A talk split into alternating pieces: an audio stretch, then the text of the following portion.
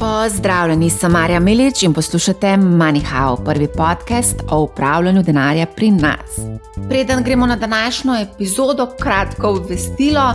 MoneyHow se čez poletje poslavlja, pridemo nazaj sveži in odpočiti, spočiti, verjetno že konec avgusta.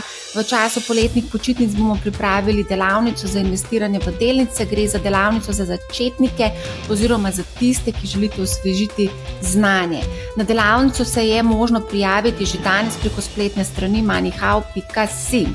Kaj boste izvedeli na delavnici?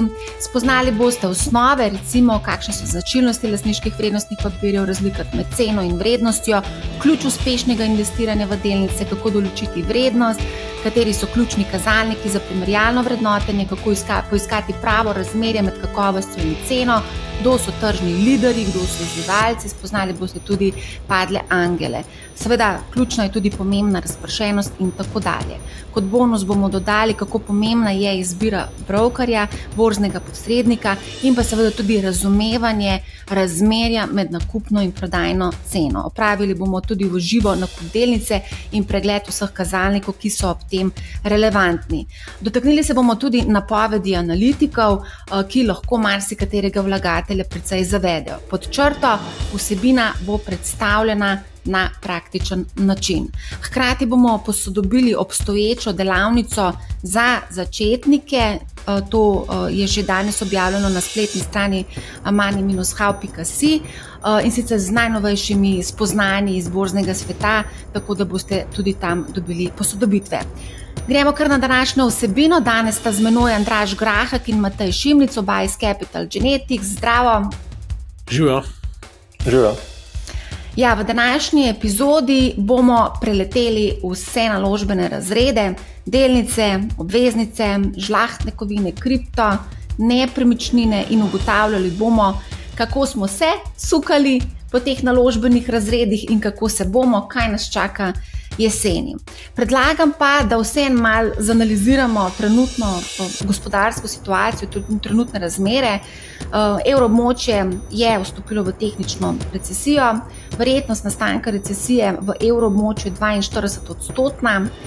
Predvsej veliko pozornost posvečamo kazalniku PMI, gre za indeks nabavnih menedžerjev, ki v bistvu prikazuje ekonomsko zdravje, gospodarsko zdravje, proizvodne in storitvene panoge, in ta že zadnjih nekaj mesecev ne kaže prav nič spodbudnih številk. V evroobmočju je ta kompozitni PMI, torej seštevek proizvodnega in storitvenega, še vedno rahlo nad majo 50, ampak poglobljena analiza pa pokaže, da to vrednost uh, držijo le še storitve koliko časa še je tu vprašanje. Pod črto torej kažejo se že zna, jasni znaki recesije, čeprav se mi zdi, da povprečen slovenec nima tega občutka, inflacija se. Umirja, zdaj trenutno je še vedno nad šestimi odstotki, kar se pa tiče same gospodarske rasti, so mnenja med inštitucijami precej različna. OECD napoveduje 2,7 odstotno rast, svetovnega gospodarstva, Svetovna banka 2,1 odstotno in tako dalje. Um, danes, ravno danes, ko to snemamo, je tudi prišla novica ven, uh, da je v Sloveniji beležimo rekordno nizko brezposelnost. Skratka, ko vse skupaj vržemo to v en mešalc, se zdi, da vem, na eni strani nas številke opozarjajo, da prihajajo pač neke okladitve, na drugi strani imamo nizko brezposobnost in inflacija upada, ni tega občutka med ljudmi, kdaj nas bo to zadelo. Andraš, ti se smehljaš, da ti povej. Se že vse čas smehljam, ali zadel kako met, ali kaj, ali, ali kaj nas bo zadel. Da bomo začutili to bolečino vem, tega ohlajanja. Zdaj, ko se pogovarjamo s številnimi gospodarstveniki, podjetniki, oni to že čutijo, ampak to se še ne. Re, ne reže se na pla, re, plače, se še ne režejo, tudi uh, gospodarstveniki opažajo izjemno fluktuacijo med zaposlenimi, ampak da ljudje menjajo službo, takrat, ko v bistvu dobijo pri nekom drugem višjo plačo. Tako da ni tega občutka med ljudmi, ampak vseeno so pa tukaj neki znaki, ki kažejo na prihajajoče ohlajanje in potencijalne težave. Se lahko zgodi, recimo leto 2008, 2009, 2015 smo mi dosegli rekordno visoko uh, brezposelnost v Sloveniji. Se spomnite takrat leta 2015? Zdaj, jaz bi tako rekel, Zdaj, trg dela je vedno un kazalec, ki zaostaja za vsemi živimi možnimi kazalci in se more veliko bolečine prej zgoditi, da se tam začne v statističnih indikatorjih kazati, ker vse vsi vemo, tudi če prideš do situacije kot poslovodstvo, da moraš racionalizirati, se bo to šele z zamikom odrazilo, ne. Se tudi, če je potrebno odpuščanje, se to ne zgodi z danes na jutr, so neki roki, kako se to izvede, koliko časa traja, tudi, ne, um, Tako da v bistvu uh, tukaj se je ta zadnji, na, na, povsem na koncu, poznal na trgu dela, kot se tudi potem, ko se bo zgodil, trajal dlje časa, da se v številkah pokazal, da v bistvu se že izboljšuje situacija. Torej, v, v obe smeri deluje z zamikom, kako koli zdaj to gledamo. Ne? Zdaj imamo pa različne dinamike po različnih sektorjih, bi jaz temu rekel, in po državah, čisto odvisno od tega, katera panoga v nekem gospodarstvu prevladuje. Recimo, če bi gledali neke IT panoge, je bil zelo jasen in uh, overhiring, torej prekomerno zaposlovanje pri določenih pozicijah, že praktično eno leto nazaj, tam se je že en cost cutting konkreten zgodil, tudi uh, v globalnem sistemu. Neki mečkam ga se je to prelil tudi v regijo, se mi zdi, v neki obliki, v predoločenih podjetjih, ki so bila mogoče izpostavljena predvsem na zahodnih trgih in so bila odvisna ali od nekih budžetov svojih strank ali pa mogoče nekega končnega produkta. Ne? Medtem ko v ta proizvodni sektor bi pa jaz rekel, se to še ni v celoti uh, mislim, se še ni začelo odražati in ker je slovensko gospodarstvo zelo, zelo naravnano, rekel na te tradicionalne sektorje, no, nimamo zelo veliko nekih IT-tech companies, mislim, da je to samo okrog 3 do 4 odstotke dodane vrednosti v slovenskem gospodarstvu, nažalost, bom tudi rekel. Um, v bistvu se to še ne pozna. Je pa res, da se potem eh, težave začnejo kuhati v drugih panogah, bolj tradicionalnih, ki so pa potem vezane na neke končne izdelke in trge, ki so bolj značilni za Slovenijo. In klemamo predelovalne dejavnosti, ki predvsem prek uh, in kemične in uh, kovinsko predelovalne sodelujejo v nekih verigah ali v avtomobilskih industrijah ali v nekih gradbenih sektorjih ali pa nekih drugih nišah. Klej se mi pa zdi, da se že kar vidi, da se order book uh, upočasnjuje. Ne, imeli smo neke primere, lahko rečem, da, so, da se je začel poznati na poslovanju. Je pa res, da seveda te poslovodstva niso zdaj rekla, kome smo nekako stabilizirali našo vem, bazo zaposlenih, zdaj pa kar jutri začel odpuščati. Tako da to se bo zgodilo šele, če se to poglobi, nadaljuje.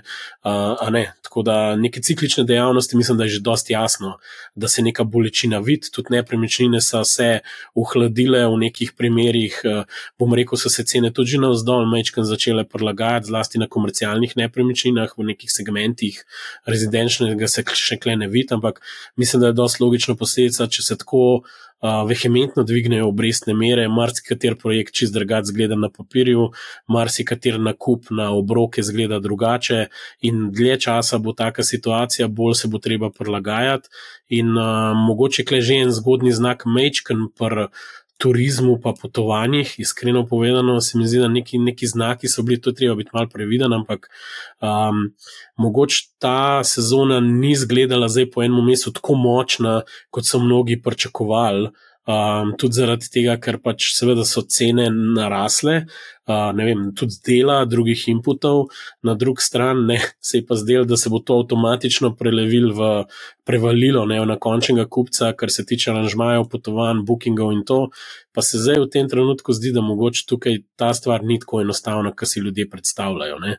Um, gledal sem malo podatke za Airbnb za zadnji mesec, neki bookingi so bili dol, tudi 40% year over year na nekih zgodbah. Ne. Mogoče prezgodaj, pa je prezgodaj sodati, ampak malo tako vsi gledamo te signale, a se kje kakšne razpoke delajo, kje bi lahko bile, a bomo tako pač enostavno mal preplul na mal nižji rasti ali pa nični rasti, pa na nič večjega, ali se lahko mogoče vsem zakuhajo kakšni večji premiki in se pravi, dlje časa bo obrestne mere take in restriktivna denarna politika, več je možnosti, da se v to bolj upočasnil. Zdaj pa zakaj? Ja, zato ker centralne banke še zmeraj gledajo na to lepljivo inflacijo, ki seveda se nekako, eh, če gledamo leto na leto primerjave, počasi, počasi spušča navzdol, ampak ni še niti blizu tega nekega cilja za enkrat. Um, in jaz bi rekel, da se kvečem Fed malo ukvarja s tem, da bojo malo počakali, pa da vidijo, kaj bo gospodarstvo reklo, medtem ko ECB se mi zdi pač klej bolj sledi nekemu rekel, generalnemu cilju, to inflacijo zbiti dol in bojo pol razmišljali, kaj, kaj potem sledi. No. Okay, um, a gremo naprej kar na uh, globalni borzni trg, Matej, pa boš mogoče tudi svoje mnenje upletel skozi analizo tega globalnega borznega trga, uh, vezano na uh, stanje v gospodarstvu. Zdaj, ko pogledamo te indekse, glavne indekse borzne, uh, bi človek rekel, da gospodarstvo se na eni strani očitno že malo hlaja, ampak na drugi strani imamo pa kar lepo rast. Uh, jaz sem tukaj pripravila eno pač, uh, tabelico in sicer Dow Jones, dobro 4%, ameriški SP 500, 16%, Nasdaq je letos, pri dobu govorim v evrih, uh, 32 odstotkov. Uh, tudi Eurostox 50, kar solidna rast v letošnjem letu 15%. Um, Fuci, naprimer, angliški, ne, tukaj vidimo pa, da komaj nič cela tri procente, se pravi, kome ima čez nulo. Tako da Anglija ima kar precej resne težave eh, in je zelo zanimivo opazovati, kaj se v bistvu tam dogaja. Eh, potem, kaj ima še DAX, 14 procentov. Um, tudi nekaj konc koncev japonski uh, je kar predobil predvsem in sicer 27-28 odstotkov v letošnjem letu. Kako ti gledaš na dogajanje na borznem trgu v kombinaciji z dogajanjem v svetu oziroma v gospodarstvu? Ja, trg je predvsem odraz nekih eh, psiholoških dejavnikov. To se pravi, šli smo v novo leto z neko bojaznijo, kaj se bo vse zgodilo. Uh, tudi videli smo letos težave ameriških bank, so to vlagatelje še bolj prestrašili, da so recimo ostali ob strani. Uh, potem pa, ko nekako trg uh, začenja dobivati uh, nek pospešek oziroma se, se počasi začnejo kupci vračati, ne, ta, ta strah missing, of missing out, ne, počasi narašča in ljudje um, so stalno bolj živčni, bolj ko gre trg uh, gor, bolj začnejo stopati. Zato smo enostavno smo videli, da, da je kar nekaj delnic, uh, ki dejansko podjetji, ki imajo vprašljiv poslovni model, so, so spet beležile zelo močno rast. Uh, ljudje so se vračali predvsem v tehnološki sektor. Uh, dejansko pa lahko tudi malo gledamo tudi tako, da, da so da se je ta um, obrat na tehnologiji začel dogajati predvsem takrat, ko, je, ko so bili podatki o ameriški inflaciji uh, počasi nižji. Uh, na začetku mogoče v smeri ni, ni bilo najbolj. Niso najbolj verjeli tem podatkom, kasneje pa uh, vsak mesec, ki je bila ameriška inflacija uh, nižja, bolj so, se, bolj so se dejansko kupci vračali v te sektorje, ki so bolj občutljivi na uh, višino obrestnih mer. Uh, in rezultat tega je pač tehnologija, smo videli uh, močen, uh, močen odboj, uh, potem pa ja, do, določeni trgi, tako kot ste rekla, uh, Japonska. Uh, Neko renesanso doživlja s to, s to inflacijo, ki so čakali leta, oziroma na to, da, da, se, da se nivo njihovega tečaja spusti, vse en so precej uh, izvozno naravnana ekonomija, tako da tam, je, tam je, je, uh, so bili razlogi za to, da so se vlagatelji uh, začeli vračati na ta sicer pozabljen trg. Uh, potem pa ja, Velika Britanija, tam inflacija še vedno uh, ustraja. Um, se mi zdi, da, da, vle, da, da je zdaj prišlo še malo mogoče bolj do izraza ta Brexit zgodba, oziroma da se te posledice zdaj bolj te dolgoročne uh, kažejo, ki so mogoče uh, mislili, da se ne bodo. Ne. Um, drugače pa nasplošno trg, trg dela še vedno ostaja, ostaja močen in zato vlagatelji na račun tega ne uh, ne čutijo strahu, čeprav pač sam, sam padec inflacije, oziroma zdaj ta nevarnost, da se pojavi de, dejansko deflacija, ne, uh, kaže, da, da se nekaj v sistemu dogaja, oziroma da so določeni deli globalne ekonomije, uh, da se ohlajajo, oziroma da, da, da ne vemo točno, kakšni bodo uh, rezultati v naslednjih dveh, treh mesecih. Uh, pri tem ne moramo, naprimer, mim uh, Kitajske. Uh, vemo, da so tam so se napadvali uh, nekatere spodbude, uh, da bodo uh, šli v različne ukrepe spodbujanja gospodarstva. Vidimo, da, da tečaj juana napram dolarju pada, kar je slab signal, da, uh, da se tam dogaja neko okrevanje oziroma jim še celo kapital beži.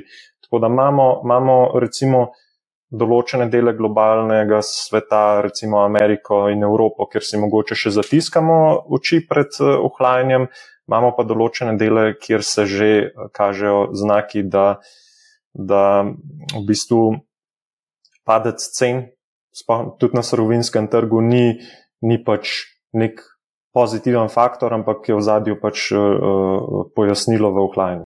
Um, zdaj uh, sem šla tudi malo narediti ta razrez SP 500 in sem poiskala najbolj donosne uh, delnice. In sem, moram priznati, kar mal presenečena. Uh, in sicer, ok, Nvidia, govorim vse v evrih, je bila rast. Nvidia 184 odstotkov, oziroma 185 odstotkov v letošnjem letu, samo v letošnjem letu, se pravi um, sedem mesecev. Uh, Meta 133 odstotkov. Zdaj pa pazite to, Carnival Corp. Carnival Corp, Andraš, je podjetje, ki se ukvarja z organiziranjem raznih teh turističnih izletov. Pazi, turizem si prej omenil, da se mogoče že pozna. Skrižarjeni, v bistvu. Skriža, točno, skrižarjeni. Ja, Pazi, zdaj pa pogledaj še naprej. Okay, Tesla je potem na četrtem mestu, 122%, oziroma 123%, zdaj pa pazi to. Royal Caribbean Cruises, je na yeah. je peto mesto 104%. Um, potem imamo še uh, Pala, Palo Alto Networks, oni se ukvarjajo z Multinational Cyber Security Company. Pa imamo na sedmem mestu Norwegian Cruise, uh, Cruise Line Holding, spet turizem, 75% na rast in tako dalje. Tako da, kako gledate zdaj na to? Tak, imamo, jaz sem pričakovala, da bo tukaj več ali manj res vse, kar je povezano z AI. Ne? Dobro, imamo Nvidia, Meta, Tesla, ampak imamo pa tudi, zdaj recimo, tudi cyber security, recimo, je zelo interesanten, uh, pa te križarke, oziroma te ponudniki križa, križarjenja. Kako gledamo zdaj na to? Jaz malo, mislim, bom Matej opustil tudi pol še malo, ampak vse te križarke, sej, mislim, sej dosti jasno. Ne? Pač to je bilo neki depressed in zdaj vsi gonijo neke faktorje na reopening, hot economy, discretionary services, folk kao, ko hočete na potovanje in to se je zdaj vse uračunalo noter. In, in na nek način, bom tako rekel, imamo skozi neke mini balončke po celem marketu, jaz temu rečem, ker sploh nima veze z nekim dolgoročnim plejem več na konc po neki točki ker dosta podobna zgodba je bila Nvidia, pa vsi ti tech play, ker kar naenkrat generative AI noto leto, zdaj pa svet čist drugačen, veš, kaj slačen si čist drugačen, pa pa po Etvix je pa svet čist drugno. In se mi zdi, da te Nvidia zgodbe tako, pač najprej je bila zelo depressed, Veliko teh stvari je bilo zelo deprest v neko smer, ker so se lani ljudje basali ven. In jaz sem gledal uno in videl, sem rekel, wow, zmer je bila draga, ne? mogoče mogo zdaj kupiti pismo za mizim tri mesece, to gre takoj 2x, pa zdaj še naprej.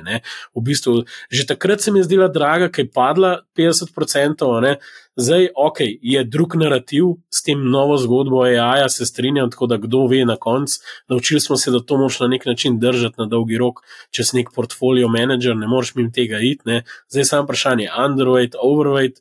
Zdaj pa te stave, enoletni premiki, ne, bili smo na vrh gore, pa smo bili v Rudniku, zdaj smo nazaj na vrh gore, zgodbe, to so pa zdaj trading zadeve. In zdaj, valjda, seveda je to najlepš, da greš noč skozi na vrhu, pa pušiš, rečeš, greš ven, spet zraste, rečeš, vzmoto sem se, greš spet na vrh not in greš spet dol. In dvakrat ta obrat narediš, pa imaš 20% svojega vložka, recimo. Ne. Ni Nvidia ali pa Facebooku lahko tudi.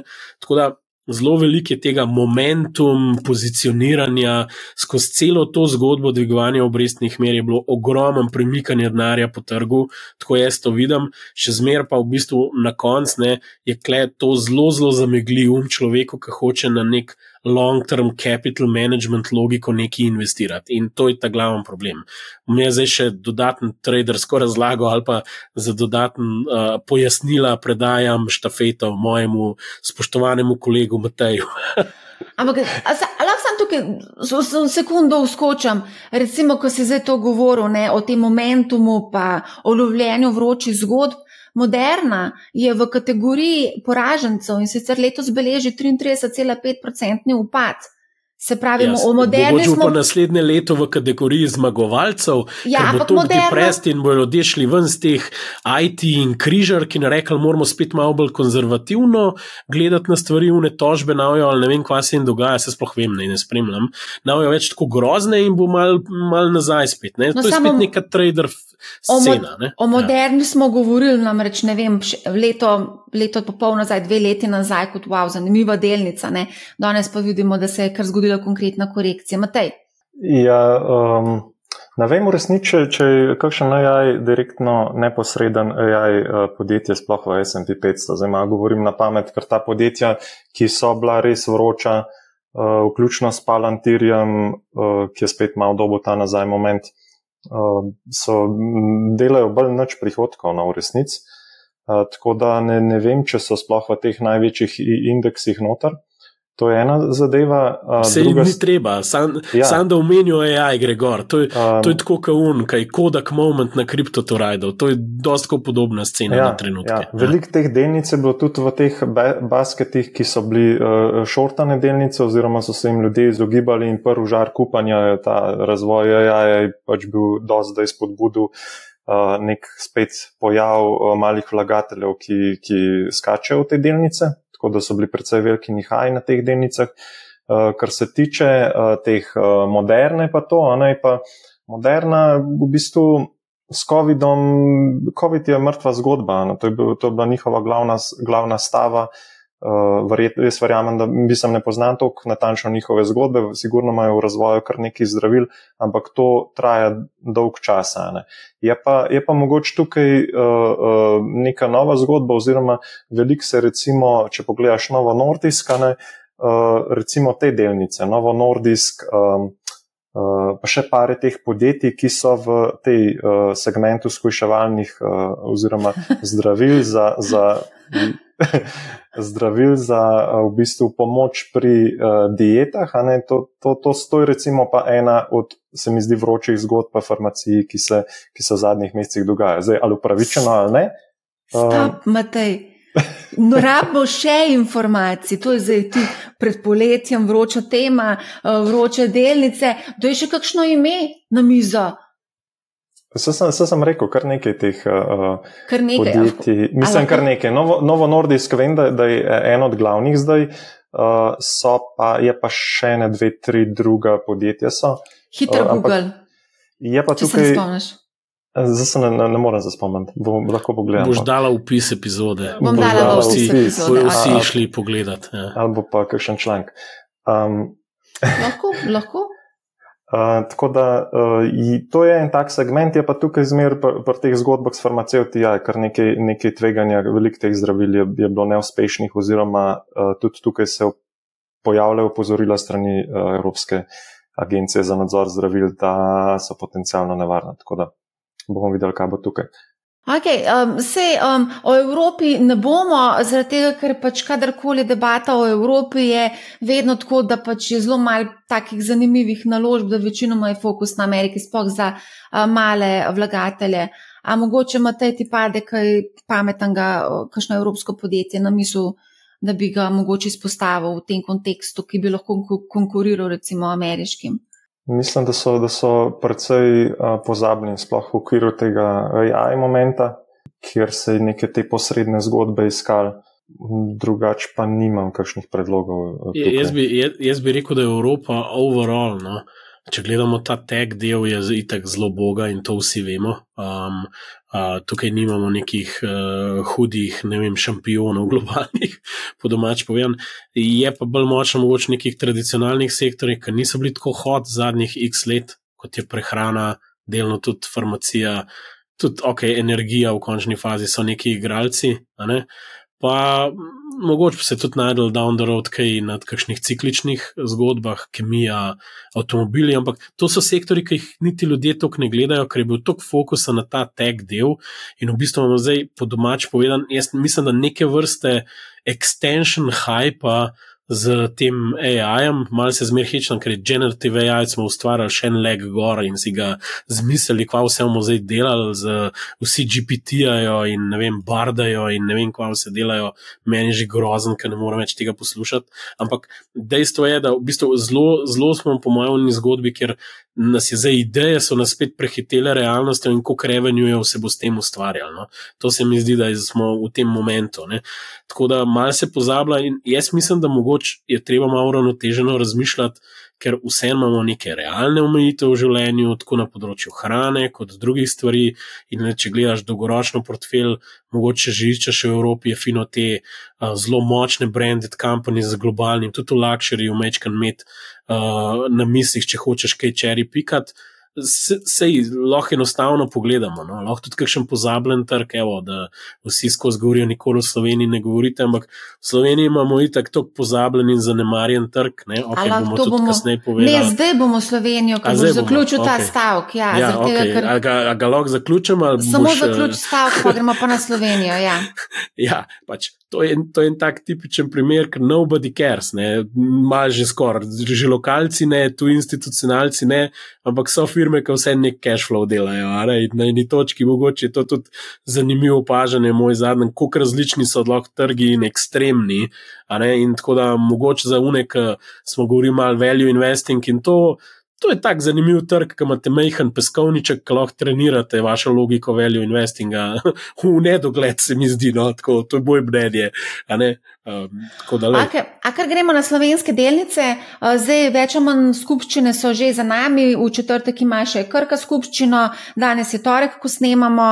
Um, tako da več ali manj je že vse znano, nekako dividendna donosnost donosnost osmih slovenskih blue chipov uh, smo izračunali 5,2 odstotna, lani je bila 7,7 odstotna, kar pomeni, da je letos nekoliko nižja dividendna donosnost. Dividende so ravno tiste, ki nekako pritegnejo um, k vlaganju v slovenske uh, delnice. Uh, najvišjo dividendno donosnost so delničarjem prinesle um, dve delnici, in sicer NLB in Luka Kopar, 7,8 odstotno dividendno donosnost.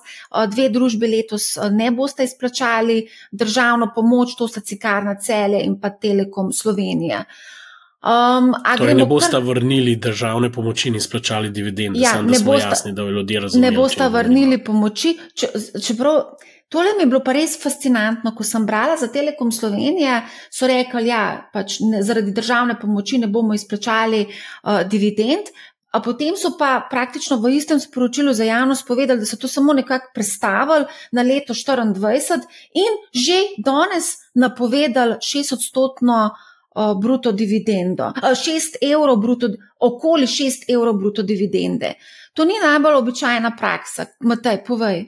Mislim, ja, napovedali so nekakšno ekstra dividendo oziroma dodatno dividendo. Zdaj, s tem so se jih izognili pač pravilom, ki jih je postavila država, in to je to. Mislim, se mi ne zdi nič uh, tako problematičnega z vedika uh, odnosa do vlagatelja. Uh, tudi v primeru petrola bi lahko tudi petrol, recimo, signaliziral, v primeru, da dobimo uh, ta, uh, te odškodninske zahtevke, na kakšna bo recimo potencijalna dodatna dividenda. Bi, recimo, pri njih bi to lahko signali, uh, pričakoval ta signal, sploh zaradi tega, ker je to naravno vprašanje nekega analitika. Uh, kaj, to, kaj to pomeni za vlagatelje, oziroma tudi uh, novinarjev in vlagateljev na splošno, kaj, kaj bo pomenilo, če bodo ti zahtevki ugodno rešeni. Tako da ne vidim težavno, da, da to napovejo. Je pa bi bilo pa z vidika pač same tako komuniciranja z javnostjo, pa mogoče vsem, komu je lahko sporno. No? To nisem nikjer zaznala, da bi se sploh pogovarjali o dodatni dividendi v primeru, da se dejansko ta scenarij realizira. Tako da tega vprašanja Um, sem se pa pogovarjala s predsednikom, z članom uprave za finance, z Bitancem, ki je pa v bistvu povedal, da se oni trenutno ukvarjajo z stabilizacijo poslovanja in da pri njih vsak cent šteje. Um, mogoče tukaj lahko saj še dodamo eno zadevo in sicer kako donosni so bili sploh v bistvu blue chipi v letošnjem letu, najbolj donosen. V letošnjem letu je, bil, je bila Luka Koper 29%, Krka 28, se pravi, lahko rečemo, da tam, tam ne gre kako prekrka. Petrol, kljub vsem težavam, še vedno 20% donosnost v letošnjem letu, NLB um, 7, o, 19%, Cinkarna 8%, uh, pa zavarovalnica 7%, Telekom 5%, zavarovalnica Triglo pa. Komaj nič cela 3%. Um, se lahko malo pohecam. Ja, ja, veš, kaj skozi govorimo o 7% na dolgi rok, ne? ampak Se trg pa pravi, kupaš kar, ko imaš 30, kupaš še video, imaš kva 180, se, se sploh ne spomnim, koliko je že točno bilo. To je to, ne? Lej. To v enem letu dobiš not. Ej, pazi, pazi. To je stava na eno delnico, to je to, je, to, je to da nimaš razpršeno. Ja, mož... Tam pa staviš na eno kriptovaluto, kaj je razlika. Jo, no, to imaš ne vem, koliko tavžent kriptovalut. Ja, ne vem, koliko tavžent delnic. Ja, se, kako lej. boš izbral ja, za te zmagovalce? Denarni toke ne ustvarjajo, lega zlomka. Ej, Dena, uh, ja. da, moj point je, če hočeš uh, se igračkat, ne se lahko zmrši, če mi igračkaš. Um, ampak ja, v, v kar velike premike videvamo ravno zaradi različnih razlogov. To je še en izmed teh dokazov, kako rekel, na, na nek način volatilna je situacija in kako trg eh, hitro spremenja, uračunava stvari noter, kako veliki so obrati. To, ta, to je zanimivo. Ne? V bistvu nimamo dnevne volatilnosti, tako velike mogoče, ali pa ne vem, ga viksa, če ga gledamo, ampak če pa pogledamo te swinge medletne, če pa to gledamo, so pa enormni, gor, dol, mislim, res ne, neverjetno. Tako da Traders Paradise, Swing Traders Paradise, če zadaneš po domač povedati. Ja, Matej, dej povej, kako pa ti gledaš, a je to Paradise? Um, zdaj videli smo, da pa vse je bila dividendna donosnost nekoliko nižja v, nižja v primerjavi z lanskim letom. No? Ja, ampak verjetno to je na indeks uh, računan. Um, ja. Ja, Mislim, to je izračunano povprečje glede na uh, osme, uh, osem slovenskih bločipov. Nisem vključila vseh. Ja, zdaj, če bi dodali temu še cinkarno, pa, pa cinkarna je imela zelo visoke dividende, ne, se že to pozna ta, na ta povprečje. Da, cinkarna nima dividende, tako da je tle le nekaj. Oziroma, zdaj jo nima, ja, se zato, ne, v primerjavi za nazaj, ne, recimo za nazaj je bila cinkarna pač med bolj donosnimi tudi. Uh, tudi Telekom je pač redno izplačeval dividende, tako da to je siguran je, je nek vpliv na ta na, na splošno dividendo donosnost slovenskega trga. Ampak na splošno pač ta podjetja vidimo, da, da ne zasledujejo neke ekstremne rasti oziroma nekih ekstremnih investicij, ki bi zahtevale uh, pač omejevanje teh izplačil. Zato enostavno si lahko slovenska podjetja uh, prvoščijo to. Ne. Recimo, kar, kar ne gre v prevzeme, uh, korektno pač vlaga v, v sam proizvodne, v proizvodne obrate, ampak uh, ne toliko, da, da bi mogli omejevati uh, izplačila delničarjev. Pač se mi zdi, da je to čist.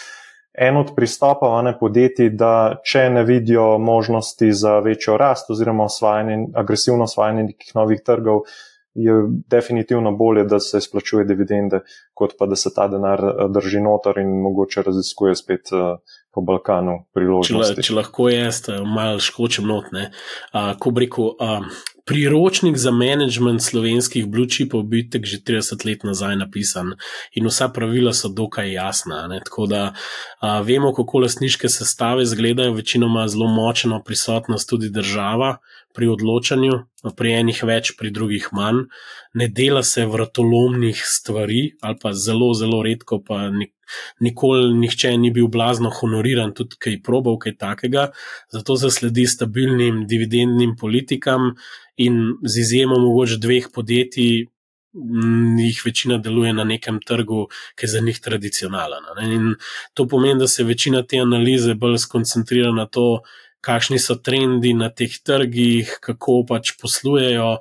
Zdaj, izjema sta krka, cinkarna, sta izvoznika.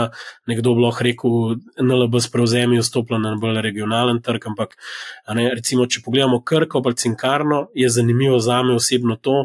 Da, če pogledamo konkretno cinkarno, ki je aktivna v enem oskem niši na področju specialnih kemikalij, v bistvu tam se stvari kar konkretno dogajajo. Um, tam smo videli celo stečaj enega večjih igralcev na področju titanovega dioksida. In zdaj, mogoče ta Goldilocks zgodbica nekaterih, zdaj smo mi kle in vse zgodbe so iste, dividendne in ne, ta dividenda vzmer taka. Mal, mal je treba to tudi upoštevati. Pri tveganjih ne pravim, zdaj, kaj bo cinkarno, ampak ti sektori imajo lahko hitre premike in lahko se zgodi, da eno obdobje, ki je bilo super, bo malo sledilo obdobje, ki je malo manj. To je narava cikličnih stvari. Lahko tudi rečeš za eno farmacijo, da je šla skozi eno obdobje, ki je bilo blazno. Tudi nekih tailwind profitov, in zaradi, um, rekel, celih zdravstvene epidemije in drugih stvari, vem. Eh, tako da bomo videli tudi, kaj bo tukaj naprej. Dejstvo pa je, da te firme, obe dve, sta zelo izjemno, neverjetne sploh bilance imata, ker nima nobena nobenega dolga, presežka denarja, za kar lahko rečemo, da plava do besedno v presežku finančnega premoženja. In seveda, logično vprašanje je, če se nadaljuje tako, bojo dividende lahko verjetno sam še rasle na nek način, oziroma je veliko prostora za to. Razen, če se kaj spremeni v tem manualu, pa kdo odpihne prah stran, pa kaj drugega naredi. to, pa, to pa vsi malo čakajo, oziroma vsi bodo zelo presenečeni in bo, bo, bo to kar velik dogodek, če se kaj takega zgodi. To je moje mnenje. No? Ja. Eška, um, mogoče zdaj, ko govorimo o slovenskih uh, delnicah. Um, objavila sem na svojem LinkedIn-u en, eno, en, eno objavo o slovenskem trgu, oziroma o članih uprav, ki so ali so kupovali ali niso kupovali obve, delnice podjetij, ki jih vodijo. In zanimivi komentarji so pod tem člankom. In sicer um, zelo tako negativno v smislu, zakaj bi nekdo v Sloveniji po NKBM, po NKBM fiasku sploh še kupil kakšno slovensko delnico. Potem povedano drugače, dokler ne bo zaupanja, ne bo investicij potem premajhen trg, premalo izbire, veliko se govori in išče te negativne stvari uh, za neinvestiranje. Poleg tega je pač slaba oziroma nizka likvidnost našega trga. Uh, imamo zaenkrat tudi kar precej visoke obremenitve oziroma stroške. Uh, brokerjev, Matej, da ti povej, kako ti gledaš na, te, na ta negativen pristop, zakaj Slovenci sploh nočejo investirati v slovenske delnice, konc koncev so stabilne, prinašajo nek denarni tok ne, vlagateljem. Zakaj? Vse to ni, ni, mene to ne preseneča. Več, uh, ljudje imajo prosto, proste roke, da izbirajo, kater trg hočejo, oziroma tisti investicijski način, oziroma če iščejo rast, na sigurno nimajo, mislim, zelo težko najdejo primerno delnico na slovenskem trgu.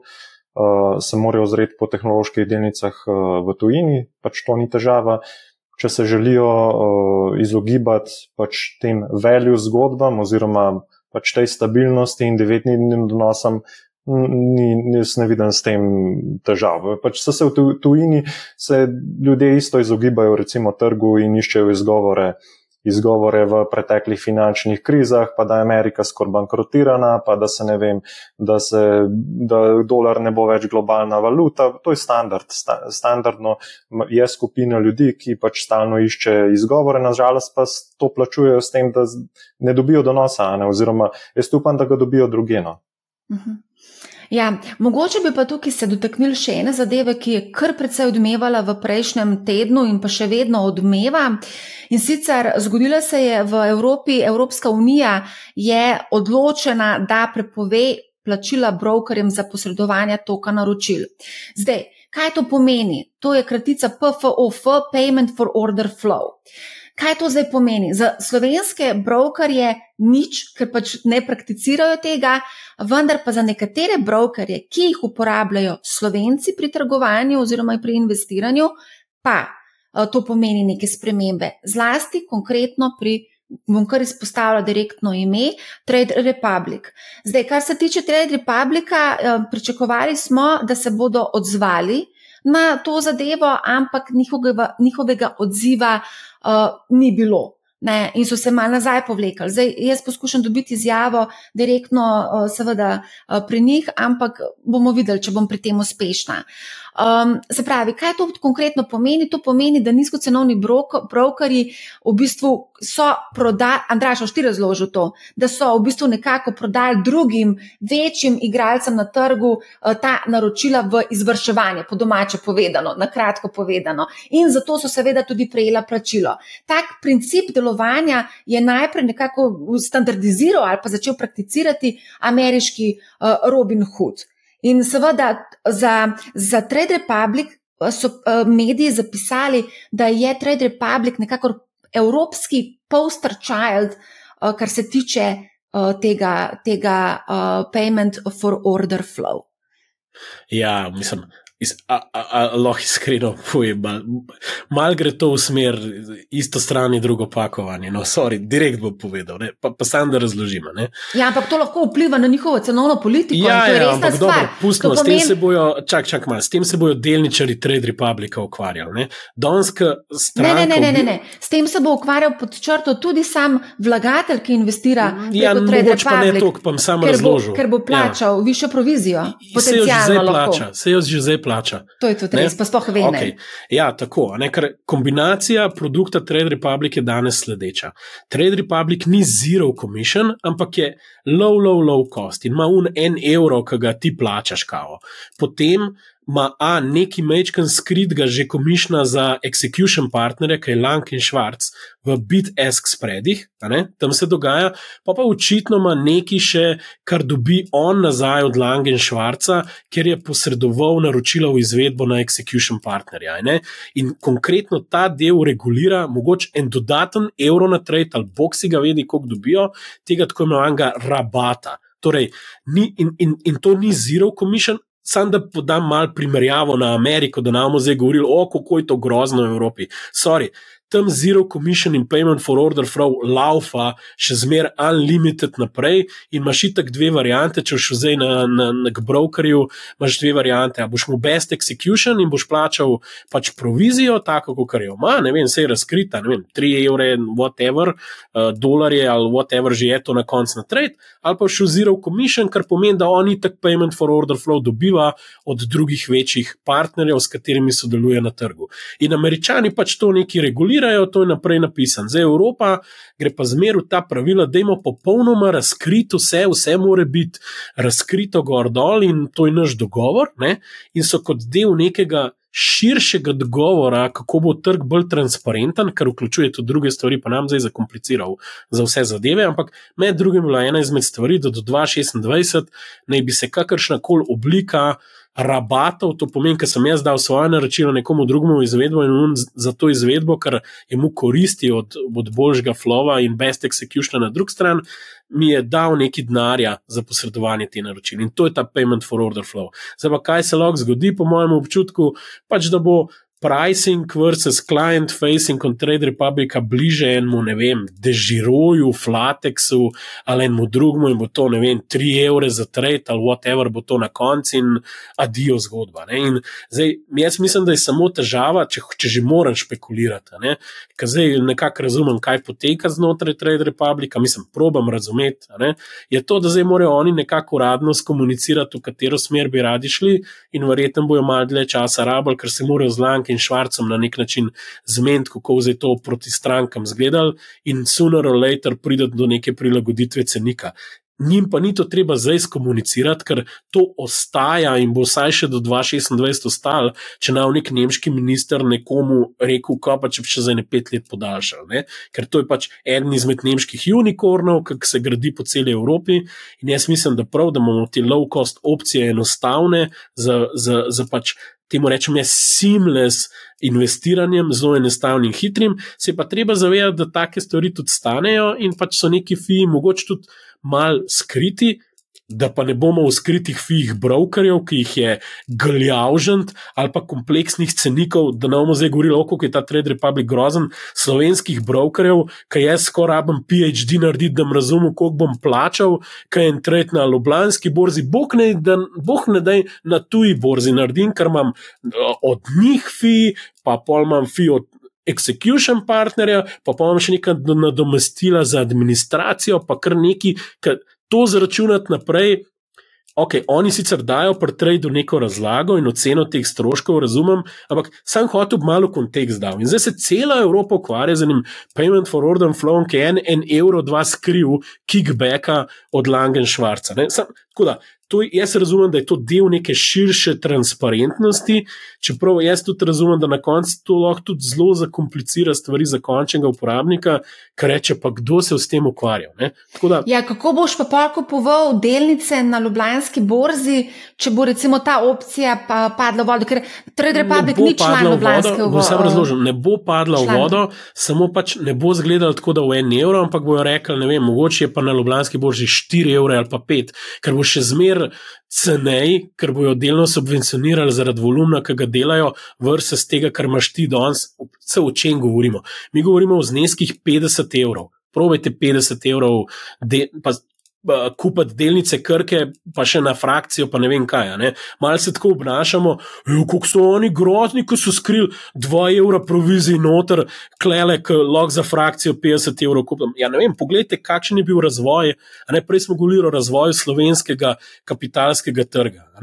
Mislim, ta razvoj gre v nazaj, to ne gre naprej, ne? Če, če, če, če se razumemo. Ne?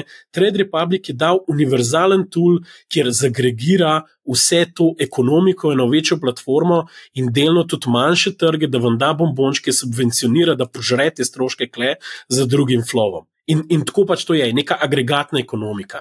Tako, to morate razumeti. A je za sofisticirane investitorje Trade Republic najboljša izbira? Po moje ne pač ne vem, pejte na, ne vem, zaradi mene Interactive Brokers, jaz sem na Interactive Brokersu, ok, imam tudi en račun na Trade Republicu ja, in mislim, da za unek vrčujejo to še zmer super neka varianta, da pridejo not, pa pa je stvar bolj sofisticirana, te pa hotel več, bolj razumeti, drilali boste noter.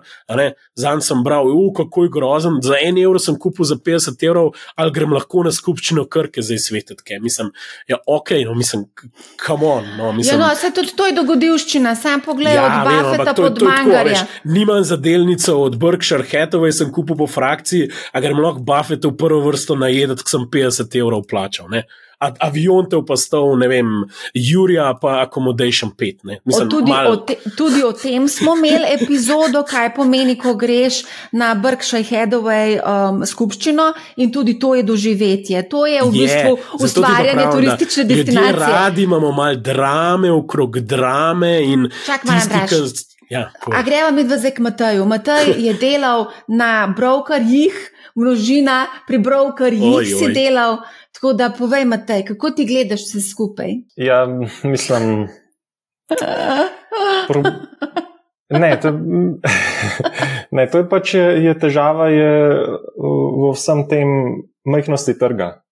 Ne, če, bi bil, če je trg dost velik, je tukaj uh, dost uh, incentiv oziroma dost uh, spodbud, da se to avtomatizira in da se, da se pride do nekega cilja, da so, da so te transakcije lažje, da so aplikacije v redu, da, da, da to funkcionira, oziroma da, da, da se čim bolj um, uh, uh, avtomatizira vse skupaj. Nažalost je slovenski trg majhen in obenem še je nek legacy uh, preteklega razvoja, ker je bil še manjši. To se pravi, uh, vse skupaj je ostalo nekje zad in enostaven uh, brokerji.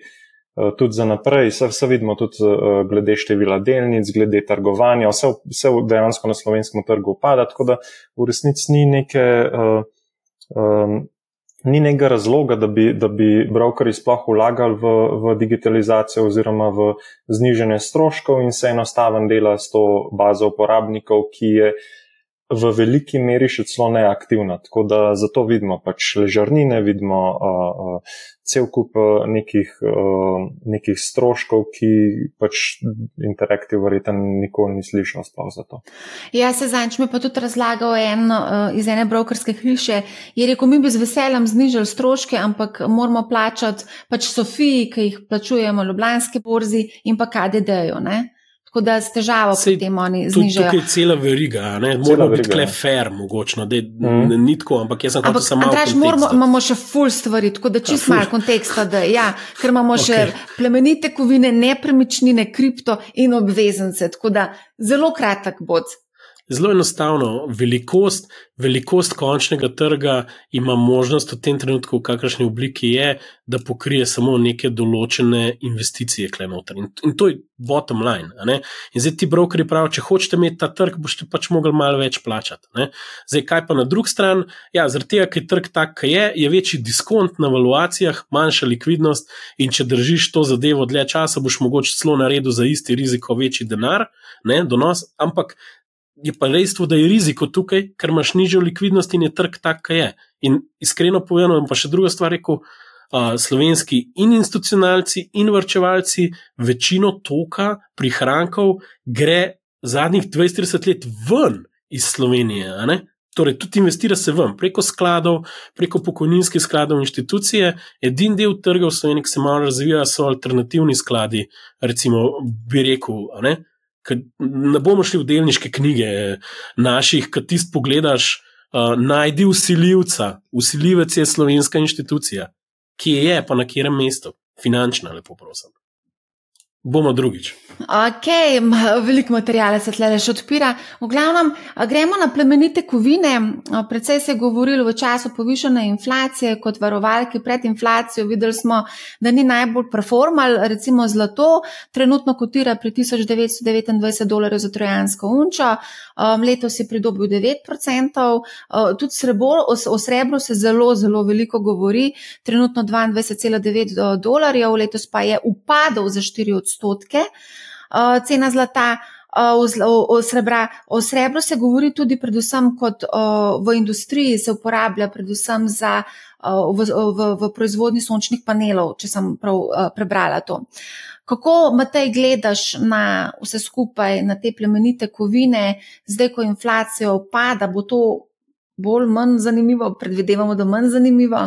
Ja, manj, mislim, dejansko se je odvil to, da, da, da so ljudje raje kot šli v. v um, se pravi, zlato je bil nek, bila neka naložba, ki bi bila potencialno zanimiva, če centralna banka ne bi uspela ukrotiti inflacije. To se pravi, da bi recimo prišli do situacije, da centralna banka više obrestne mere, gospodarstvo se začne ohlajati, obenem se pa inflacija ne, ne omirja.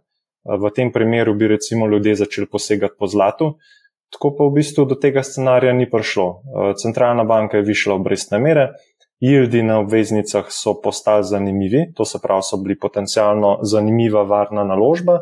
Obenem se je pa še inflacija začela uhlajati, uh, kar pomeni, da so, bili, da so se tudi realni donosi začeli povečevati, uh, v, govorim za Ameriko. Uh, in enostavno potem v takem okolju zlato ni zanimiv.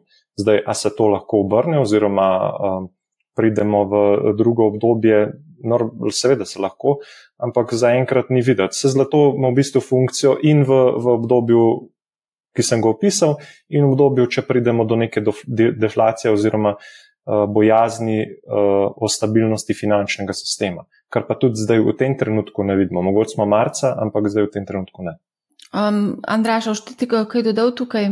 Jaz upam, da smo se po petih letih različnih teorij, kako je um, zlato da nam reko srebro, ne, ta tako imenovan, mogoče bi lahko golden bullet imenoval, ne, kao one size fits it all. Karkoli se je zgodil, kupite zlato, ne, Zdaj smo ugotovili, da to ni čistko, veliko se je prodajalo tega in se, se zmeraj neke zgodbice prodajajo, ne? ampak je točno tako, kot imate rekel. Moj jaz rekel bolj za zlato. No?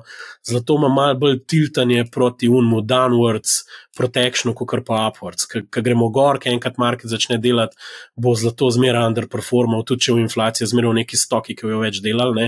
Če gre pa dol, pa pa v bistvu na eni točki bolečine začne relativno dobro uh, v bistvu se obnašati, ne? je pa lahko še zmeraj spet je odvisen, kako se dogaja ta downfall. A se zviševanjem obrestnih mer, a se cikl obrestnih, če se je cikl obrestnih mer že zaključil in je na vrhu in bo vse proste izrazil pizdarija in se jo zniževale obrestne mere, pa je zlato tak zanimiv, zanimiv trade, sploh relativen lahko. Um, pa tudi obveznice so lahko, ne, pol, pol zmer mal. Jaz, mi smo doskrat na par prelomov ugotovili, da imaš te faze, ki naredijo dva prevala in v prvem zlato sicer dobro dela, pa pa začne ta likvidnost zgodba, uh, trežeri začnejo performati. Tako da, v bistvu je to kar traderska, kar težko je te ravnotežje dobro zadeti. Včasih imaš pa neka obdobja, ki delnice ne delajo ok, zaradi več razlogov, teh nekih bolj beriš marketih, tam pa včasih je lahko zlato zelo dobro relativno delal, tudi, tudi daljše obdobje. Sam tu moraš pa te cikle predvideti. Ne. To bi se lahko zgodilo, če smo zdaj na vrhu in bo, ne vem, 5-6 let res jada, jada, jada, jada, ne, bi lahko tudi nek zlato relativno zelo dobro funkcioniral. Tako da treba ga je umestiti, predvsem v portfelj. Jaz mislim, da to ne more biti stava, imam zlato, nimam zlato, ta kreganja, zlato ali delnice. To je tako, dost brez veze, no, na dolgi rok. Bolje je vprašanje miksa in kako to uravnotežiti. No. Ja. Se je ena kolegica pohvalila, da ima srebro. Uh, kupila je kepo srebra in sem jo vprašala, kje pa je ta kepa srebra. Ja, v predalu. Tako da, ok. Podarki na pohvalila, že to, da se pohvališ, da imaš to, deluje kot neka statusni simbol. Jaz imam pa kepo srebra, jaz imam pa lambota, jaz imam pa ne vem, hišo na morju, jaz imam, it's not about this, res ne. ne? No, glavno, a gremo na nepremičnine. Uh, zdaj uradne statistike statističnega urada kažejo, da cene nepremičnin še vedno rastejo. In sicer rabljene stanovanske nepremičnine so se na četrtletni ravni podražile za 2,5 odstotka. Na zadnje smo govorili, da smo bili tam blizu 3800-900 evrov na kvadratni meter v Ljubljani. Um, tako da, ja, cene družinske hiše se tudi zvišale in to za 6,4 odstotka. Tako da, ja, stanovanja se očitno še vedno dražijo, čeprav ponudbe ni. Kako zdaj, z vidika same investicije, uh, ker danes bomo govorili samo o investicijah, ne bomo šli v teh nakupih stanovanj za, za bivanje, um, ampak v investiciji. Kako gledamo na ta sektor, sta mogoče kaj gledala red sklade, kako, kako kaj, kaj funkcionirajo, jaz nisem imela časa, da bi vse to pogledala. Ne, red sklad, red sklad, ni, jaz nisem red skladov gledal, vem, vem, da tu ni kar nekaj težav, predvsem s komercialnimi uh, nepremičninami. Kar nekaj skladov je recimo že omejevali izplačila ven, uh, tega recimo um, večina, mislim, večino vlagatelji to, to se v tem ne, tok ne piše. Uh, je pa tako, pač, da, da tudi obrestne mere oziroma jildi na, na obveznicah so, so se zvišali, kar pomeni, da da so, da so postali že zanimiva alternativa, sploh če imamo izjemno drag, drage nepremičnine, z, s tem, da vem, po možnosti še začne v prihodnosti z naraščujočo uh, brezposelnostjo manjkati uh, zanimanje za, za najemane. Ja, jaz, jaz mislim, da je nakup stanovanske nepremičnine za oddajanje, če verjamemo, da bo se ohlajalo gospodarstvo, dostko neatraktivna investicija zdaj v tem trenutku, glede na vse alternative, ki jih imamo tudi na deset let, recimo ker si lahko lock in narediš za 4%, tam nekje ali pa bliž 4%, skoraj na, na 10 let, 3, pa ne vem, koliko je ta zadnja, 3, 6, 3, 7. Um, uh, recimo državni bond, um, se ni nujno, da je sam Slovenija, se lahko tudi kakšno Hrvaško pogledamo. Tako da v bistvu, um, zakaj? Zato, ker ni več tega driverja, da v sklete cene kar neki šle gor. Mislim, da fight proti inflaciji je jasno napovedan in mislim, da bo inflacijo spravil dol. In dokler to deluje tako, um, je težava, ker en del nakupov, ki pa vsem poganjajo te cene, ki je bila pa logika, zakaj imam jaz investicijo, ker sprot pač navijam najemnine, ne mal ali pa služim od Airbnb, ne, pa pa še itak cena raste, ker eventualno bom ta flat prodal krat dva, ki ga v en kupu, ki hoče živeti. Ta teza se je zdaj ustavila na, predvsem na komercialnih nepremičninah, uh, že v tujini, vidimo velik padec volumna poslov in transakcij. Uh, to so pač zadeve, kjer bolj inštitucije delajo. Tudi v Sloveniji smo mi zaznali, da se tukaj že zahteva više donose, kot se jih je šest mesecev nazaj. Uh, in, in enako se bo začel dogajati na stanovanjskih nepremičninah, hkrati pa razvijalci morajo delati z višjimi obrestnimi merami, mnogi iščejo alternativne načine financiranja preko obveznic in podobnih zadevah. In recimo, je, par, je tudi zdaj ne dve, tri listed companies, uh, torej delnice, ki so vrščene na borzo, recimo v Nemčiji, ki imajo tudi močan stanovanski del. Predvsem tudi razvijajo stvari, in tam stvari ne izgledajo lepo. No. Tako da v bistvu Slovenija je pa pač tako počasen trg, z zamikom se stvari odvijajo, ampak mislim, da zdaj to, ta segment tukaj ni blazno atraktiven, glede na to, kako izgledajo stvari v tem trenutku. Tako da verjetno bo mogla tukaj, zdaj ali bo v nekem rangeu, pa bo to dohtelo v enih dveh, treh letih, ali pa bo celo mogoče, rekel, se trg ustavil in če bo dlje časa trajala recesija, bo šele pol začel popuščati, ker kle se ne zgodijo stvari kot pri delnicah. Če gledamo nazaj, to je moglo trajati. Zadnjič, ko so se cene spustile dol, ko so se, ne vem, za nekih 30 plus procentov. Ne, je to najprej bil prvi val, pa je bila negacija, da imamo globije probleme, in potem je šele moglo se dogajati nekaj časa. Je pa res, da bančni sistem ne, v tem trenutku, bom tako rekel, zgleda drugače, je takrat zgledal. Tako da to je ena razlika, mogoče. Uh, druga stvar, pa je, je pa tudi res, da je ta segment bil en izmed bolj raztočih pri bankah. Um, tako, da, tako da bomo videli, no, uh, kaj se vkleda dogaja, ampak definitivno jaz, jaz bi rekel, kot investicija zelo, če mi je en rekel, nisem, nisem tako šurno. Če, če že glih ne zgradiš kakšno stvar, pa še tam je problem, ker so stroški za nazaj kar zrastali. Um, tako da malo bo mogel to skozi sistem se prebaviti. In kle se že vidi, kje so tudi izzivi, ne? uh, na nek način. Ne? Vsi govorijo, ni nepremičnin, ampak Jaz bom pa tako rekel, takrat pa pismo 5-6 let ni bilo normalnega popraševanja. Tako da to so to ljudje kar mal pozabili. Ja, zaradi tega, ker takrat, takrat niso kupovali stanovanja, zdaj ga kupujejo in vidijo, da ni ponudbe, oziroma da je ful, da so nore cene. Zdaj ste omenili že parkrat obveznice, gremo kar skočiti malo obveznice. V sosednji Hrvaški, v Belgiji, Španiji so ljudje čakali v vrsti, da bi lahko kupili državne obveznice, sicer kratkoročne. Um, zdaj, tukaj, če pogledamo dolgoročne desetletne obveznice, uh, vidimo kar precej skok, recimo v teh donosnostih uh, do dospetja. Amerika 3,8, 3,9. Uh, Francija, ne Francija, dobro, Francija je tudi zanimiva zgodba, glede na vse proteste, ki se tam dogajajo. Nemčija, uh, ko smo gledali Nemčijo, 2,4% je trenutno Italija, Italija 4,2%, Španija 3,5%. Um, tako da je kar precej zanimivo. Grčija 3,7, naprimer, je zanimivo. To, to je Eurovizija zveni klele. Ja. Slovenija 3,26, 10 let, veš, mislim. kako se reče, dus ali point, kako je bilo že. No, dobro, zdaj, ja, nisem ja. jaz glih fan 12. Eurovizije, ampak ja, da imate, zdaj se ti že parkrat omenil to obveznice kaj dogaja na obvezniškem trgu, kaj lahko še pričakujemo. Slišala sem zanimivo en, en komentar od ene analitičarke, kar je rekla, da recimo se, se ljud, investitorji rej odločajo za obveznice, kot pa recimo konkretno tukaj omenjala cinkarno celje, zaradi tega, ker je približen tam tam donos. Mislim. Pa manj problemov, pa manj problemov. Ja, mislim, volatilnost je sigurno pač bo, bo, bo nižja, oziroma je Tako, no. Vse, vse načeloma donosnosti, zahtevane donosnosti so zdaj zadnje, zadnje, zadnje mesece že kar, mislim, so se stabilizirale. A, tako da so vlagatelji kljub temu, da, da ECB je pač bolj agresivna kot recimo FED, a, čakajo oziroma očitno je za dost popraševanja pri teh nivojih, da, da, so, da so se zadeve a, stabilizirale. Mm. Uh, je pa, ja, se, se pa, so se pa začele kazati te razlike. No? Da, recimo v primeru Grčije ne, uh, ampak v Italiji, recimo, da so zahtevane donosnosti dosti više od, od recimo Nemčije.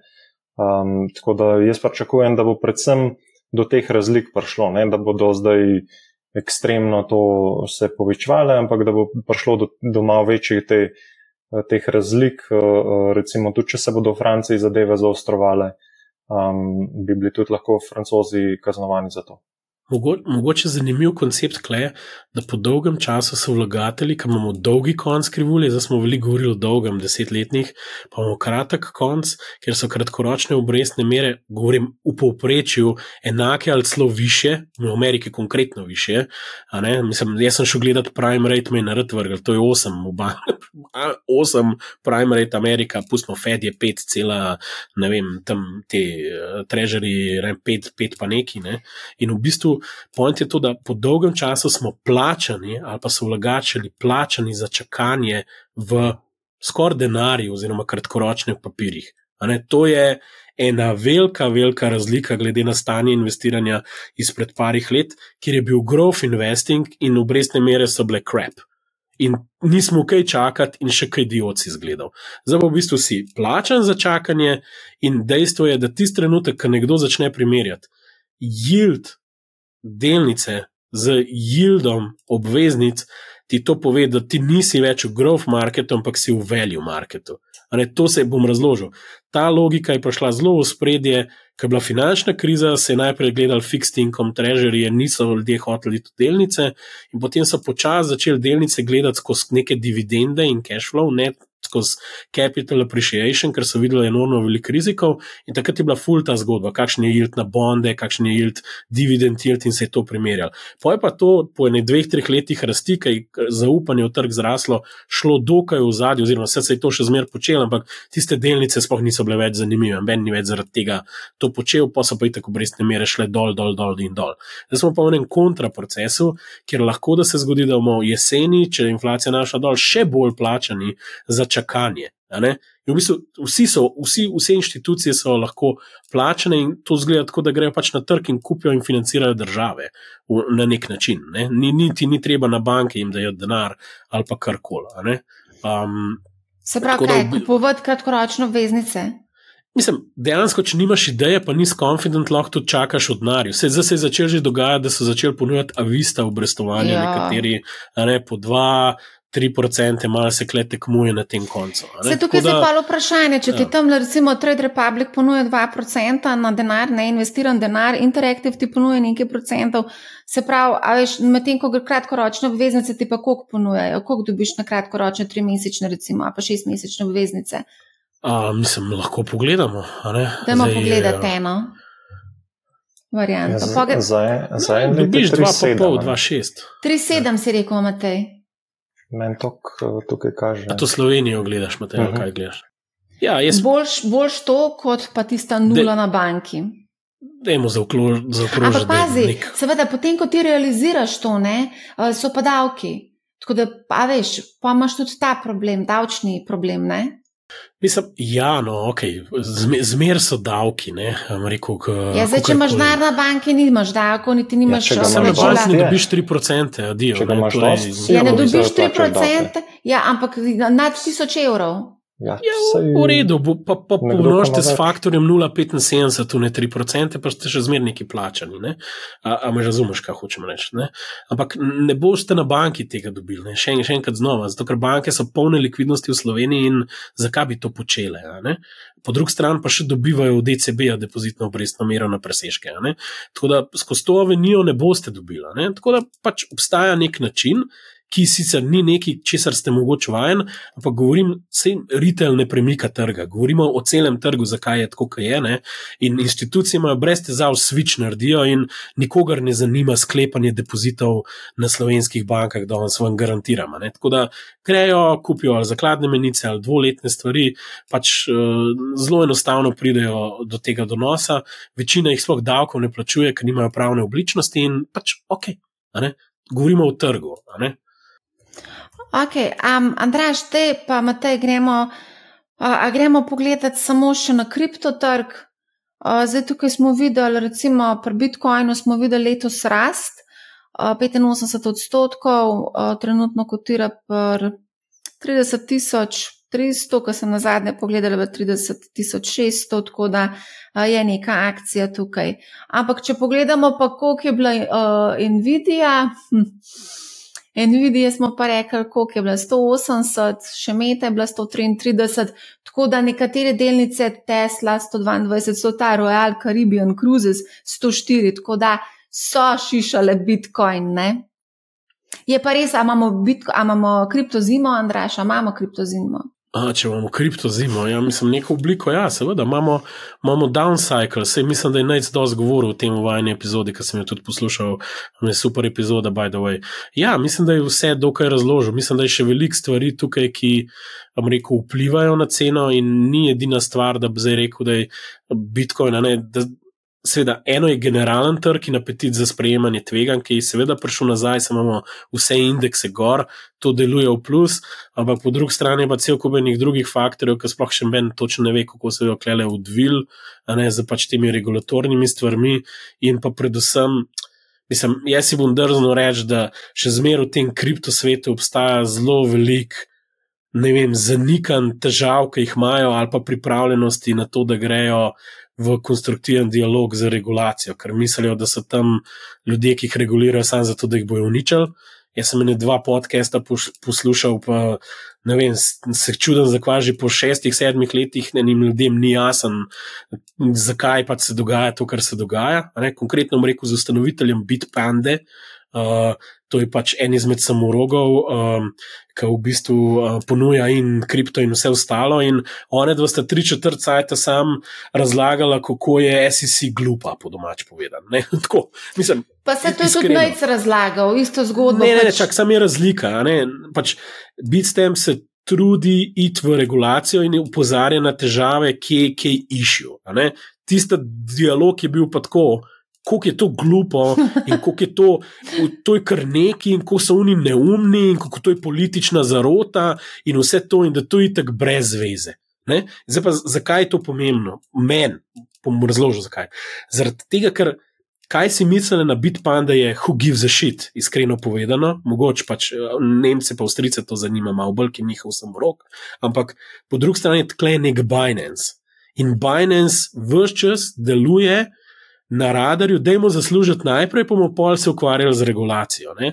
In Binance je v resnici too big to fail na kriptotu, da bi ga pustili failat za kripto sektor. Zdaj, če pa kdo se odloči, da bo iz tega naredil veliko moralno zgodbo, pa mi je čisto vse za vse ostali kripto.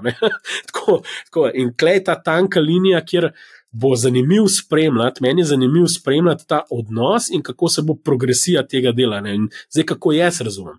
SEC more priti kaj en stek v PS ven, zato da ga bo Binance začel resno jemati, ker če ne bi, pa k kriptopapi ven pride, po domač povedan, pol je brez veze, pol so že izgubili fajt pri regulaciji in česar koli. Tako da regulator je zmer v očeh tistega, ki dela biznis, oproste izrazu, nor, nerazumen, birokratski, vedno je bilo tako, tako in vedno bo, ali pa političen, ali pa če hočete tudi doskrat v zadju of the record reče, kako so glupi. In ja. To se dogaja, in, ampak vidim, da je to še ta naboj je vstal, še od FTX-a in ta konc se je mogel spucati. To se je mogel spucati, zato da v kripto spet na nekih normalnih tržnih obratih delal. In to lahko to lahko pa zdaj sodelujejo, spucali v dveh, treh letih, vse super, lahko se pa 500 krat se še spiče vmes, reki to skin in the game. In to, to je klema ali pri kriptotu in bomo videli. Jaz pojma nimam, uh, zaenkrat kaže, če v trg rastu, bo tudi pač naprej kripto rastu, je pa v bistvu koncentracija na market cap.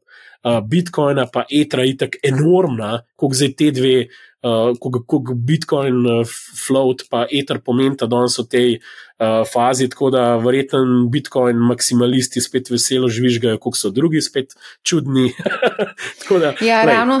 O, o, Matej, a, o tem sem se glih pred kratkim pogovarjala o religiji. Bitcoin maksimalisti religiozno verjamejo v Bitcoin. Kako ta vera v nek, nek, neko naložbo, da je ti z vidika analitika, ki skozi obračaš številke, da je poskušaj nam razložiti.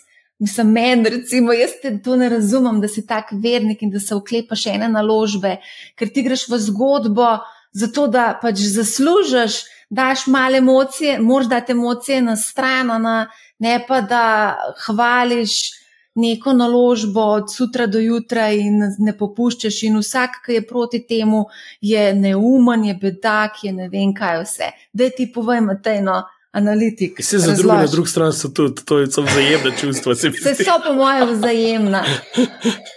Ne, pa se tukaj je že na začetku problema. Ne? Težko vsak analitik se bo tega lotil, bo pač ni cash flow, tako kot Buffett. Ne? Buffett bo to pogledal, bo rekel, ok, kaj je to. Se pač, to, to, to, to, to je to, je to. to, to Ja, ampak zdaj si neumen, Matej, kakšne treperije govoriš.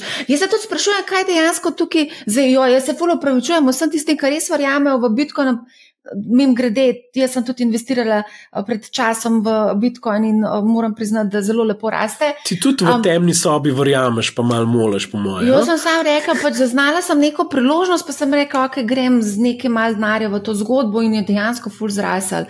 Uh, ni bilo za tukaj neka pričakovanja, da bo ne vem kaj. Ne. Tako da jaz imam tudi kriptoinvesticije, uh, da ne bo pomote. Ampak ja, uh, ta ne razumem. Težko je razumeti, no, ker greš ti v neko zgodbo zato, da zaslužiš. No. To, to je moj problem. Ne. In zdaj to, kar Buffett govori, to, kar si rekel, uh, Matej, ne, to, to, to ima nek smisel, ampak po drugi strani, vem, se pa tudi sprašujem o uporabnosti, ali lahko plačam kavo z bitcoinom. Verjetno lahko, ampak kakšni so stroški transakcije, um, koliko časa bo trajalo zakaj bi plačvala, ni bož, da držim. Ne. Ta naložba se drži, tako kot se drži, ne vem, nepremičnina ali pa delnica krke. Do smrti jo držiš. Ja, tukaj gre za to, da enostavno se, se verjame, da se, bo, da se bo to izboljšalo, da enkrat bo Bitcoin uh, neko, mislim, razširjeno plačilno sredstvo, da bodo transakcije niže. Ena, en del zgodbe je tudi, da je zdaj kar nekaj denarja že v kriptovalutah, to se pravi, tudi v stablecoinih, ki so lahko na kratek rok problematični. Se verjetno je Bitcoin naraven, zato je na teh nivojih, ker, ker ga trenutno vidimo, ker, ker, se, ker se pričakuje, da, bodo, da se bo ta zgodba z nadzorom oziroma regulatorji nadaljevala tudi na stablecoinih in denar ne bo hotel v fiat currency, ampak bo skočil v Bitcoin. Tako da tukaj so neke, kljub temu, da, da, da, recimo, da, nima, da ne ustvarja cash flow, so kratkoročno in dolgoročno lahko neki, neki driverji tega aseta. Zdaj, um, Ja, sej, mo, mogoče še najbolj primerjava z zlatom v tem smislu, ne? če že hočemo elementarno iti, ker zlato tudi ne ustvarja cash flow, pa ima neko vlogo v investiranju. Zase, zanimivo je tako, da zdaj, ker ni bil več tako haj, pa se je zelo velik zlatom začel te prispodobe vleči bistveno bolj kot nekoč, ker je bilo to čisto relevantno, kaj je zlato, če Bitcoin zraste vem, 20 krat v dveh letih. Um, bi pa samo eno stvar povedal, ki je pa moje opažanje še eno, kaj jaz gledam zmer z tega, koliko se stvar lahko institucionalizira in na kakšen način. Ne. Ful mi je zabavno, ker v bistvu vsi hvalijo EU za to majko zdaj, ki so definirali neke tri variante, kaj je kripto. Ne. Uh, s tem, da so pustili popolnoma odprto zgodbo, v kakšnih primerih je kaj security, kaj tokenizacije, ne vem, kaj vse neki utility. Pa. Jaz sem probal razumeti, kam pa še Bitcoin, pa Ether, pa ne vem, če razumem na podlagi tistega, kar je tam napisan. Mislim, da tudi tu niso napisali, ne razume, ker se dotikajo digitalnega denarja, pa bolj stablecoinov. Bom pa samo eno stvar rekel. Amerika, vsi zdaj vidijo, uh, that's not the word to go, oni regulirajo in rohnijo zmaj. EU ima najbolj reguliran, bom uporabil hiperreguliran bančni sektor, trikrat bolj kot ZDA v vseh pogledih. Regulacija gre do dnevnega loan booka. In zdaj mi pričakujemo, da bo ta razsvetljena kapitalska unija naredila prostor za razvoj in novo renesanso kripta.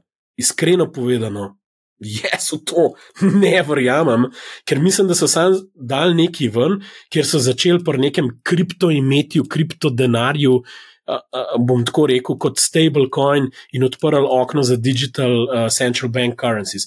Je, jaz mislim, da ta cel konc, kako bo kripto v infrastrukturo noter prišel, bo neizogibno mogel vključevati konsens najbolj globljega in najbolj institucionaliziranega kapitalskega trga na svetu, in to je ZDA. In to, da zdaj ljudje bežijo stran in neki slavijo, kot zdaj klemi delamo v Evropi, to je tako mal diveržen, če me vprašate. Mislim, da bi se vsi mogli z Genslerjem pogovarjati, kako to narediti prav. In pač tako je. Zdaj, mogoče pa uvira ravno, ker je ta glavni igralec na trgu Binance in je kle išel. In je mal v prostem izrazu, temu se reče, pissing contest. Kdo no. ima večje politične moči, mišice in komu dlje nese v proste izrazu? No, no prav, ja. Andraš. za ta sočni vokabular. Ni predlag... zakaj, poletje pa vlečemo konkretno ja, v Juni. Res je, tretjo sezono zaključujemo, ali bomo kar zaključili, boste še kaj povedala. Dobro, zdaj, če Andraž vprašam, se lahko še za eno uro pogovarjamo. Um, mogoče samo na svet na koncu za naše vlagatelje, kako ne preživijo poletje in potem zakorakajo v jesen. Z finančnega vidika, investicijskega vidika. Ne, se nisem zaključil, jaz že. A ne boš dal nekega nasveta? Za poletje. Na svet je lahko samo en, keep calm and carry on, ki to že vse čas pravimo. Pač osnovo je treba imeti, uporabljajte indekse in tam akumulirajte v bistvu uh, dolgoročne naložbe, zato da boste zaklepali noter do nos, bojo slabši, boljši dnevi, baloni, zlomi in gor dol in klem morate sami naprej. Ne smete izostati iz trga in ne smete nehati s tem.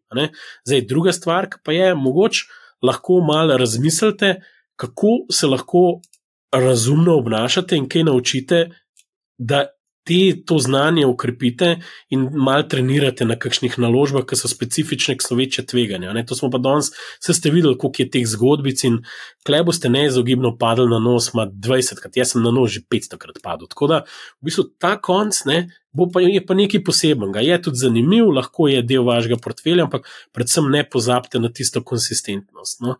To pomeni, da stalno pač imate nek exposure, k naložbam, ki prinašajo ustrezno visoke donose na dolgi rok. Um, tako da v bistvu, mogoče kar se kriptota tiče, evo, nikoli ne dajem tega, ampak moj feeling je, da je bolj se držati pač v njih dveh glavnih uh, kriptokarencijev za enkrat, dokler se to mal ne razkadi, ker če se v razkadil, bo itek vse šlo bistveno blagor, zdaj pa to še mal wiggle waggle, no, pa mislim, tudi generalno.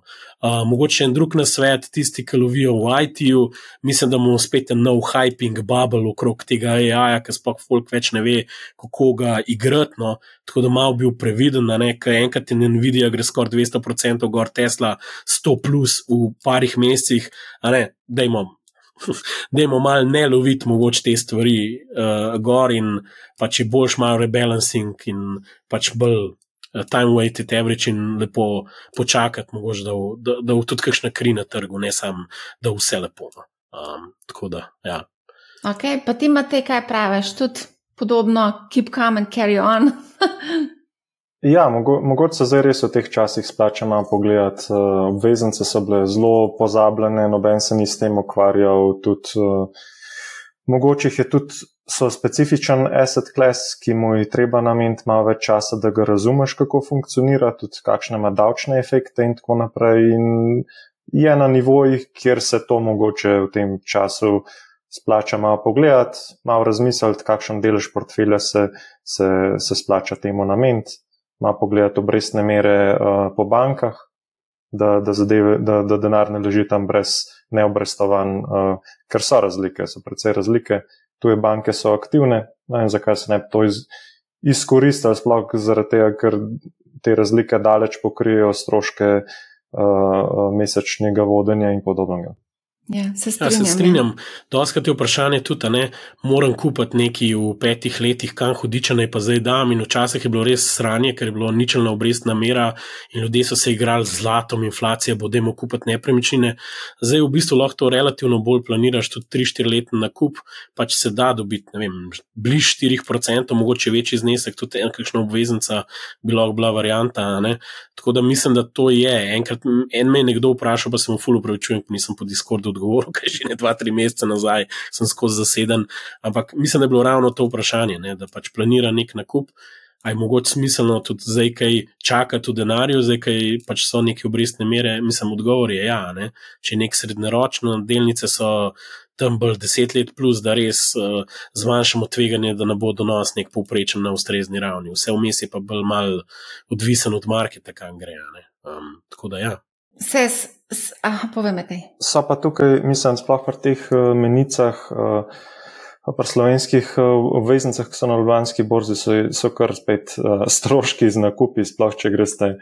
A pa bi mogel Trade Republic ponuditi za kup slovenskih obveznic? Ne, hočem sem reči, da da se, pa, da se pa na Interactive Broker se da tudi tisto, kar kotira na, na mednarodni, mislim, se ne kotira, kar je na OTC trgih. Uh, uh, se da tudi slovenske dobiti in tuje, je pa mogoče malo mal, uh, malo bolj komplicirano, kaj najdete, oziroma ni tako na dosegu roke, se išče po ISIN-u, to sprav morate najprej ta identifikator najdete, pa potem poiskati obveznico, pa se da to dobiti tudi na interaktiv. Mogoče naredimo enkrat en izobraževanje na to temo. Bravo, ja, bravo, to bi bilo Matej. vrhunska, ta bi bila res Odlična ideja. vrhunska. Odlična ideja, ne?